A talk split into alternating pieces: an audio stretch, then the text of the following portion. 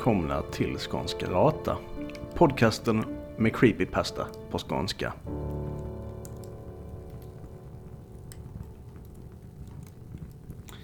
Ja, det här avsnittet ska handla lite om, ja det handlar om eh, insända brev faktiskt som jag har fått.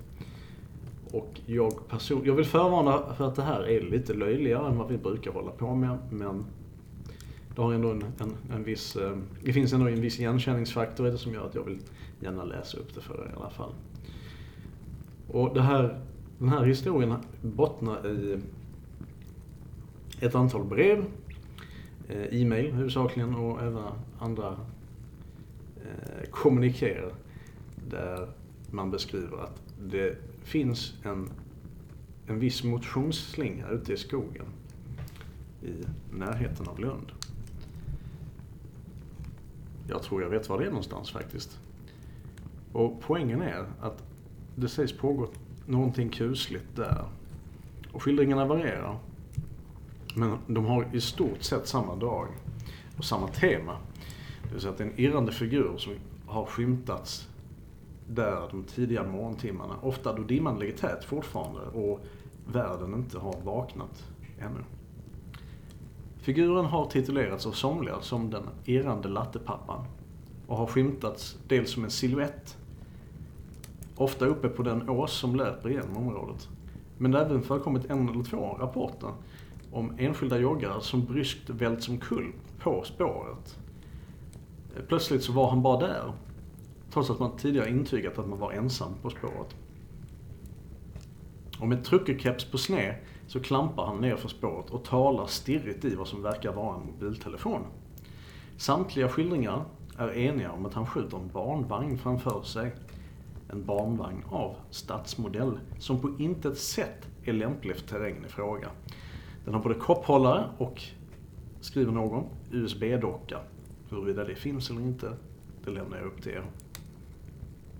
Somliga vittnen meddelar också att vagnen innehåller ett jollrande barn som ser nöjd ut med friluftslivet.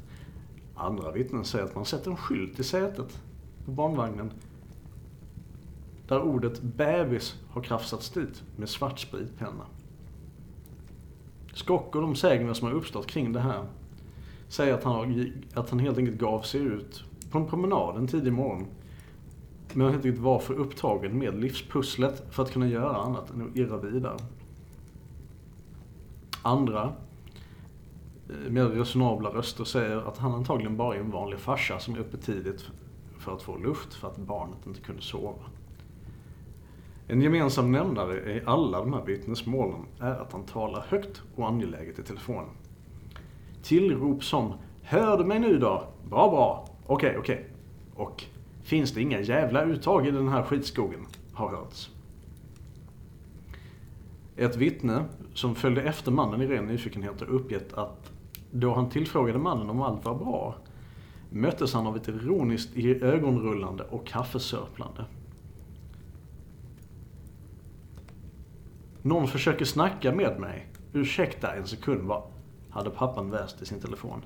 För att sedan, sedan säga till vittnet, och jag citerar Sorry, I'm in a real hurry here, you know. Uh, life puzzle and really important stuff like that. Vittnet, som var en äldre man, uppskattade inte eh, hans ton.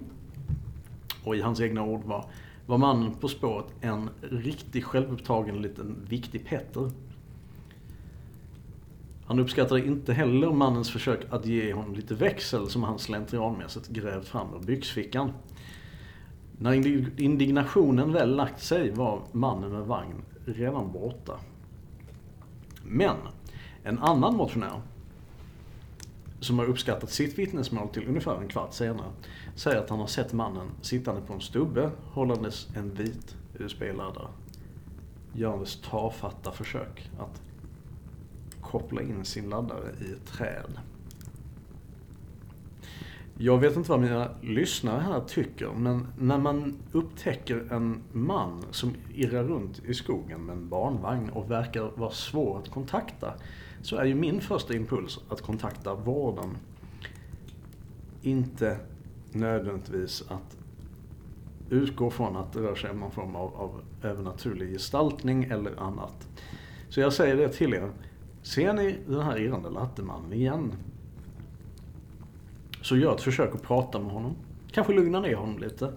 Och hör var han hör hemma. Eh, jag tror det är en sån här sak som vi alla skulle eh, vara glada över om någon annan gjorde för oss, om det var vi som var i den situationen. Jag ska avsluta dagens avsnitt med ett lite mindre och lite mer personligt berättelse om en grej som hände mig faktiskt själv i för, för vintern. Jag minns att jag befann mig i slutkapitlet på ett alldeles särskilt rafflande fantasyäventyr. Uppkurad i vardagsrumssoffan. När telefonen i köket plötsligt ringde. Irriterad av avbrottet, just då allt höll på att hända, sneglade jag på klockan. halv två? Jaha, vem kan det vara som ringer mitt i natten? Med bara tå tassade jag ut i köket så kvickt det bara gick, för det var ruskigt kallt då. Och, och jag rafsar åt mig luren och svarar. Och en lång monoton ton var faktiskt allt som hördes i andra ändan. Men sedan en röst, jag tror det var en kvinnoröst, som intonerade för mig. Fabian, Åke, Theo. 1, 2, 2, 1, 1, sa rösten. Med en burkighet som förstärktes av den gamla telefonen som man ringde på. Jag brukar nästan aldrig få några samtal dit. Annars är det ju mobiltelefonen som gäller. Jag minns att just då ståendes med luren i handen, så kändes allting drömskt. Surrealistiskt. Och utanför mitt fönster på femte våningen så yrde snön fruktansvärt. Det var den andra eller tredje natten med väldigt kraftigt snöfall. Jag minns inte exakt. Jag vet bara att vinden tjöt, fönstren skallrade. Och sådär som man gör mitt i en vinterstorm så kände jag mig väldigt, väldigt isolerad. Jag minns tydligt att det enda som riktigt syntes i urvädret var grannhuset sticka upp en bit bort. Och det, det svagt orangea ljuset från en lyktstolpe som gjorde sitt bästa att kasta ljus över den annars becksvarta och iskalla natten. Jag stod där i köket, iklädd pyjamas och bara lyssnade.